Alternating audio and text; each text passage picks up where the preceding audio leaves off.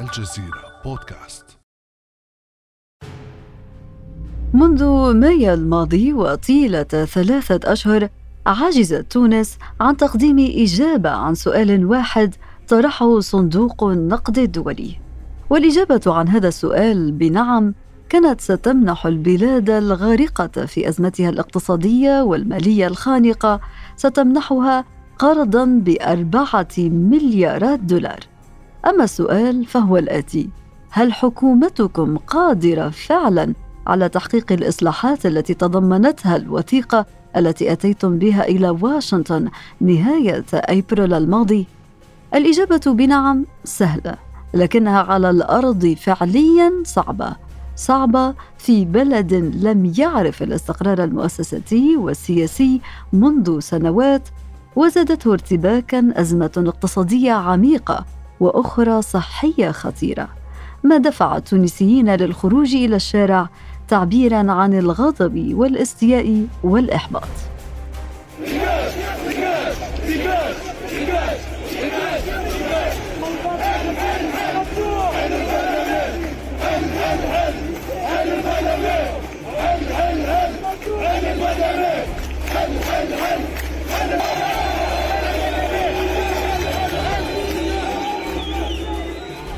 الرئيس التونسي قيس سعيد استند إلى ما يعتبره فشلا حكوميا وفوضى برلمانية لتبرير قراراته الاستثنائية الصادرة في الخامس والعشرين من يوليو الماضي واعدا بخطة اقتصادية تحل مشاكل تونس المتراكمة.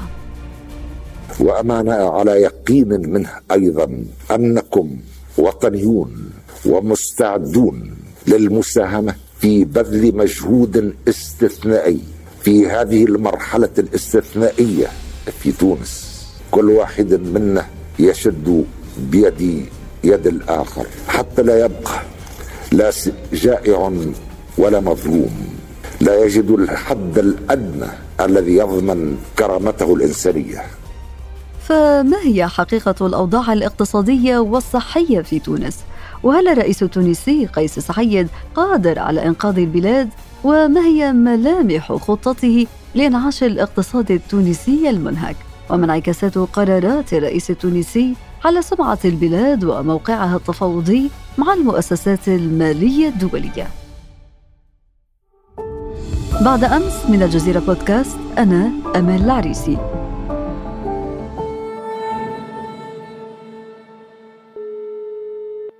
وينضم إلينا في حلقة اليوم من تونس الباحث في الاقتصاد السياسي الأستاذ حمزة المدب. أهلا بك أستاذ. مرحبا مرحبا أمل. باش الناس كل تحتاج على الوضع المزري الوضع الاقتصادي الوضع الاجتماعي والوضع الصحي. اليوم تونس عندها عشرين ألف قتيل ضحايا الكورونا. اليوم الوضع متردي الوضع متأزم الوضع كما تقولوا إحنا الطنجرة غلات وشاطت. فهمتني؟ تونس ما عادش تتحمل.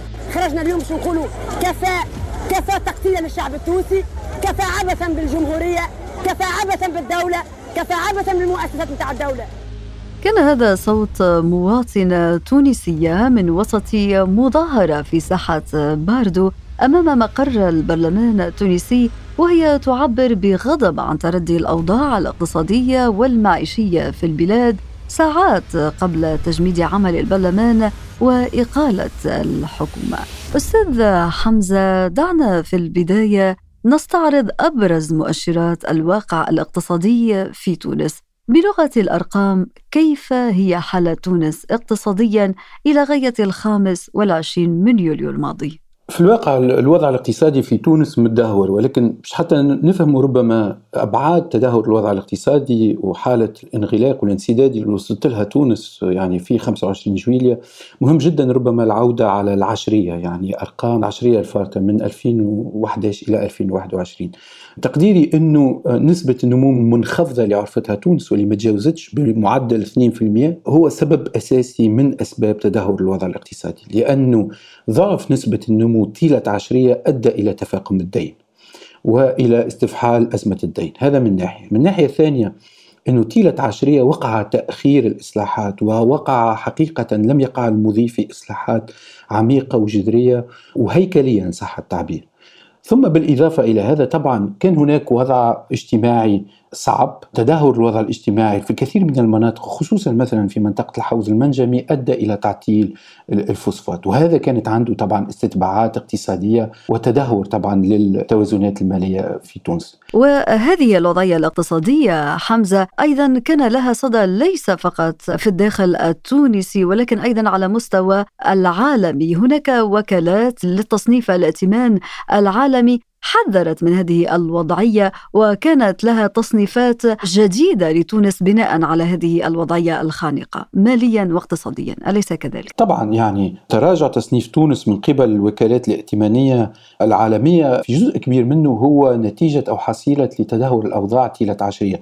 ولكن تدهور الأوضاع زاد يعني عمق مع أزمة كورونا. يعني جائحة كورونا عمقت الأزمة الاقتصادية وأنهكت التوازنات المالية. يعني ربما رقم بسيط في 2020 تونس عرفت 8.8 تحت الصفر نسبة انكماش اقتصادي. يعني وهذه كانت أعلى نسبة انكماش منذ 56 منذ استقلال تونس.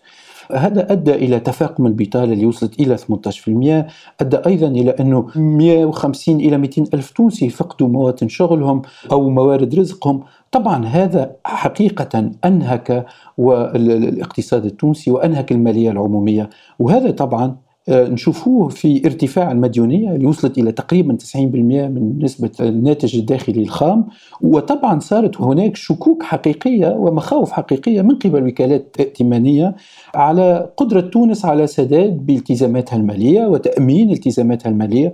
وشفنا مثلا مؤخرا وقت فيتش في جويليا الفارط أعلنت أنه خفضت تصنيف تونس إلى نوعا ما مخاطر على الدين مع آفاق سلبية. هذا طبعا يعني حقيقة عمليا صعوبة خروج تونس على الأسواق المالية العالمية واستحالة طبعا الخروج هذا في الظرف الحالي يعني في الظرف الاقتصادي والسياسي الحالي.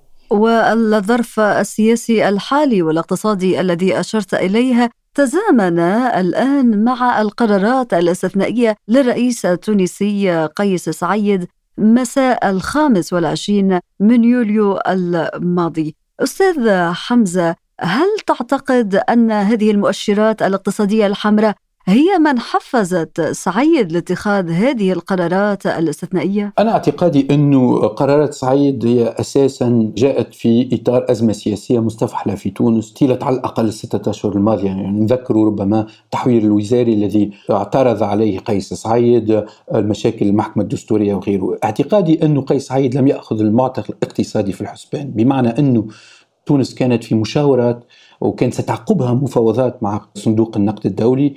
وطبعا تونس ككل يعني البلد كان يسابق الزمن لتأمين برنامج جديد مع الصندوق النقدي النقد الدولي يضمن له تأمين حاجياته المالية ويضمن له أيضا الخروج إلى الأسواق المالية العالمية في المدى القصير. طبعا قرارات قيس سعيد ألغت هذا المسار أو, أو جمدت على الأقل في المدى المنظور هذا المسار وهذا تقديري إنه من شأنه بالعكس يعمق أزمة الثقة حتى لدى الوكالات الائتمانية أو التصنيف العالمي اللي صار عندها حقيقة ضعف في الثقة حول مدى قدرة تونس على تجاوز أزمتها السياسية لحلحلة أزمتها الاقتصادية.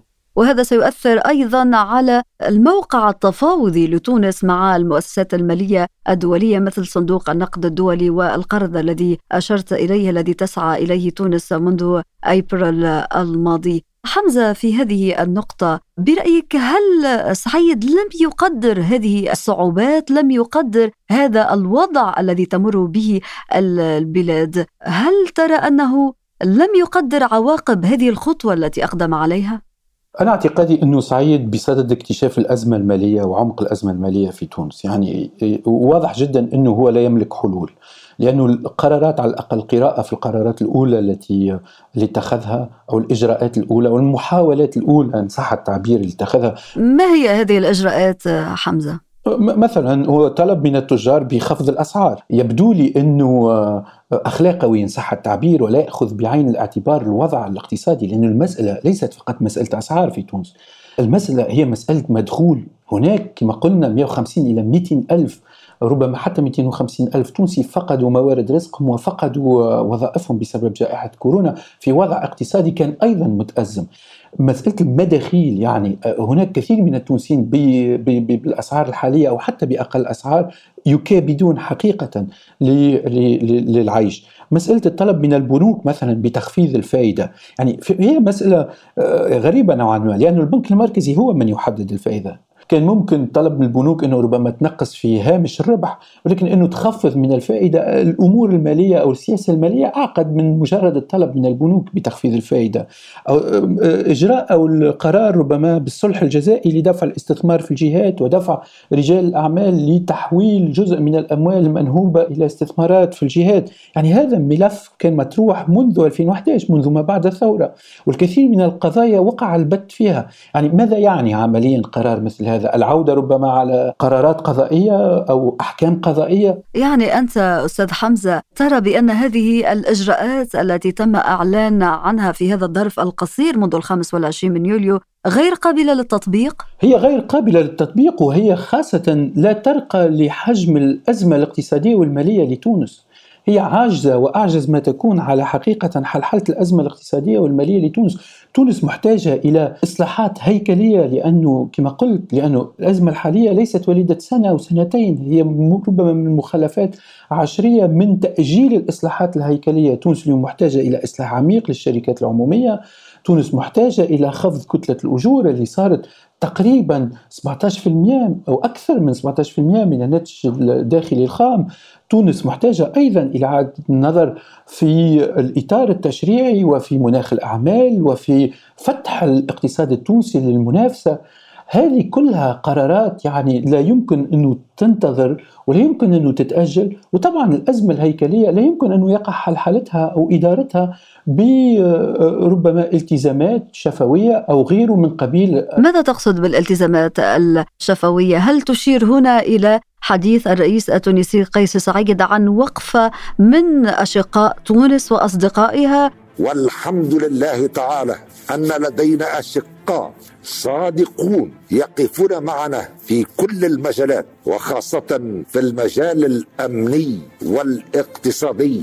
وستأتي الفترة لاعلن عن هذه الوقفة التاريخية لعدد من أشقائنا وأصدقائنا. كان هذا تصريحه عقب لقائه محافظ البنك المركزي التونسي مروان العباسي. يعني هذه مسألة مطروحة اليوم في تونس أنه كيف يمكن لتونس أن تعبئ إن صح التعبير احتياجاتها المالية؟ كيف يمكن لتونس أن تضمن تمويل أو تمويلات في المدى القصير؟ كانت طبعا المفاوضات مع صندوق النقد الدولي كان هدفها الأساسي هو ضمان اتفاق مع الصندوق والخروج للأسواق المالية العالمية ولكن اليوم في ظل تجميد البرلمان وفي ظل عدم وجود حكومة منتخبة وفي ظل الضبابية السياسية اليوم كيف لتونس أن تؤمن حاجياتها المالية في المدى القصير؟ يبدو لي أنه الخيارات ما هيش كثيرة يعني الخيارات معدودة. والخيارات وهذا اللي أشار ربما رئيس الجمهورية في حديثه مع محافظ البنك المركزي أنه يعول على دعم الأصدقاء والأشقاء. من يملك السيولة اليوم في العالم؟ أكيد أنه هو يعول على دعم إماراتي سعودي تقديري. ربما وقع وعده يعني ربما وعد الرئيس بتمويلات ربما وعد وهذا اللي نسمعه بأنه ديون تونس سوف يقع سدادها من قبل السعودية والإمارات. ولكن هذا كل اللي اليوم على الأقل لا توجد التزامات حقيقية. هذا من ناحية. ثم من ناحية ثانية أنه حتى مع الدعم المالي الخليجي لا بد لتونس من الدخول في إصلاحات هيكلية. هل سيكون لقيس سعيد القدرة على إدارة هذه الإصلاحات الهيكلية؟ هل سيكون لقيس سعيد القدرة على ضمان حد أدنى من الاستقرار السياسي والاجتماعي لضمان حسن نفاذ وحسن تنزيل إصلاحات هيكلية حقيقية؟ هذه كلها يعني نقاط استفهام حقيقية اليوم وتزيد في ضبابية الوضع آه، السياسي والاقتصادي في تونس. رغم هذه الضبابية أستاذ حمزة التي أشرت إليها قرارات الرئيس التونسي قيس سعيد أضحت الآن أمر واقع وهو يتحدث بكل تفاؤل عن آه، المرحلة المقبلة التي لم تتضح معالمها بعد. برأيك أستاذ حمزة كيف يمكن للرئيس التونسي أن يكون متفائلا بهذا الشكل؟ وأنت تتحدث عن صعوبات حقيقية في التطبيق عن صعوبات حقيقية في تمويل صعوبات حقيقية في الإصلاحات الهيكلية. أنا تقديري إنه التفاؤل مرده إما حقيقة عدم دراية بواقع الأرقام والحائط الاقتصادي والمالي الذي قد ترتتم عليه أحلام الرئيس هذا من ناحية أو ربما آه، وجود وعود كما أشرت ربما من قبل السعودية والإمارات لدعم المالية العمومية في تونس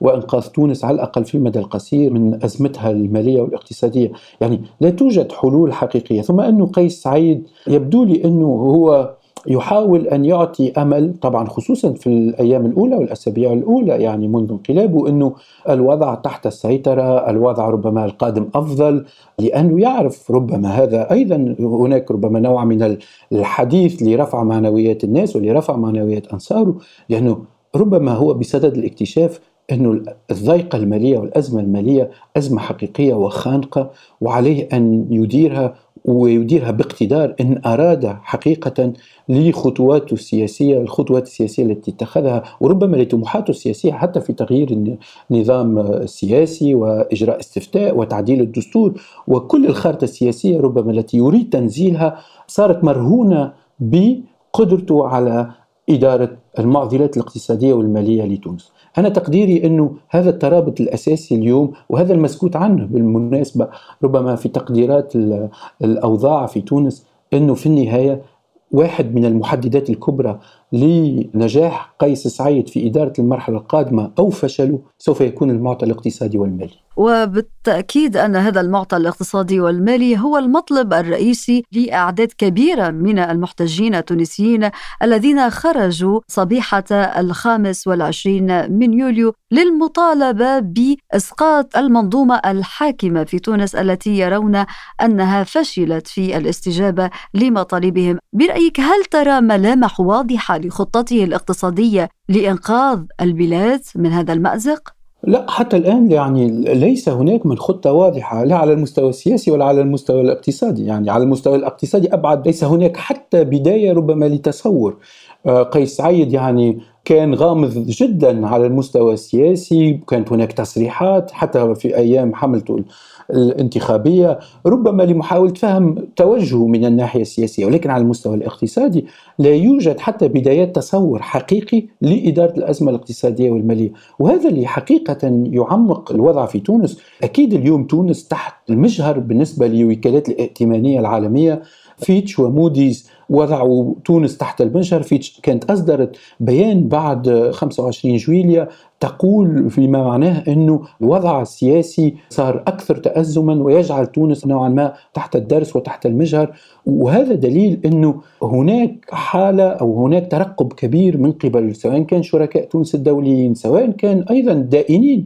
لأنه يعني تونس لتونس التزامات مالية على الأسواق العالمية يجب الإيفاء بها في الأشهر والسنوات القادمة. وهناك حقيقة انتظار حقيقي في أي اتجاه ستذهب التجربة التونسية. اقتصاديا ولكن أيضا سياسيا. هذه كلها أسئلة على الرئيس قيس سعيد أن يوضحها. ويبدو لي أنه الانتظارات سواء كان الشعبية الداخلية كبرى ولكن أيضا الانتظارات من قبل المؤسسات المالية العالمية وشركاء تونس الدوليين أيضا كبرى في هذا الإطار. استنادا لكل هذه المعطيات أستاذ حمزة هل تعتقد أن رئيس الحكومة المقبل يجب أن يكون من خلفية مالية من خلفية اقتصادية وبذلك بالنظر إلى أولويات المرحلة المقبلة كما ذكرت حمزة؟ الواقع أنه الحكومة القادمة يجب أن تعمل وتشتغل على واجهتين إن صح التعبير.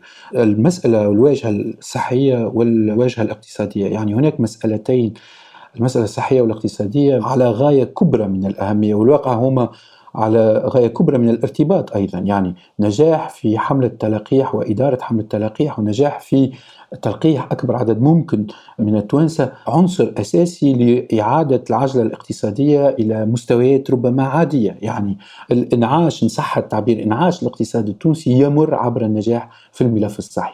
ثم طبعا الملف الاقتصادي هو ملف حارق وملف مستعجل. وطبعا هذا ربما يفسر دعوة الكثير من السياسيين والكثير حتى من الملاحظين والمراقبين.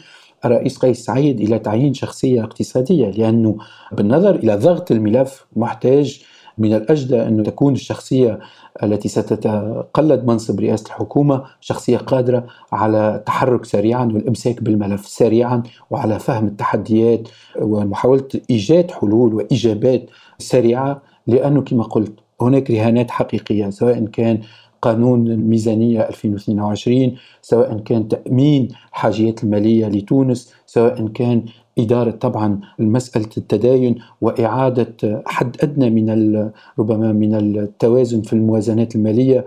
هذه كلها مسائل حارقة قد لا تنتظر أكثر من ستة أشهر. يعني هي نهاية سنة حقيقة صعبة على المستوى الاقتصادي وهذا ربما يفسر ذهاب قيس سعيد أو ترجيح الكثيرين ذهاب قيس سعيد نحو اختيار شخصية اقتصادية. وخاصة أنه يبدو أن صبر التونسيين قد نفد ينتظرون إجابات حقيقية على الوضعية الاقتصادية التي وصلت إليها تونس. أسئلة كثيرة كما ذكرت الأستاذ حمزة تطرح الآن في ظل ما وصفته بالمأزق الذي تمر به البلاد. مأزق مرتبط بقرارات الرئيس التونسي قيس سعيد مرتبط بمدى تقديره لحقيقة الأوضاع في البلاد والمؤشرات الاقتصادية والمالية الحمراء. شكرا لك أستاذ حمزة المدب الباحث في الاقتصاد السياسي على كل هذه المعلومات والمعطيات المهمة فيما يتعلق بآخر المستجدات في تونس.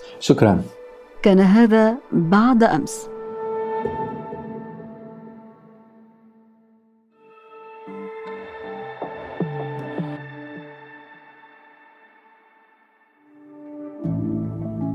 على تواصل مستمر مع الجزيرة بودكاست ولا تنسى تفعيل زر الاشتراك الموجود في تطبيقك لتصلك الحلقات يومياً.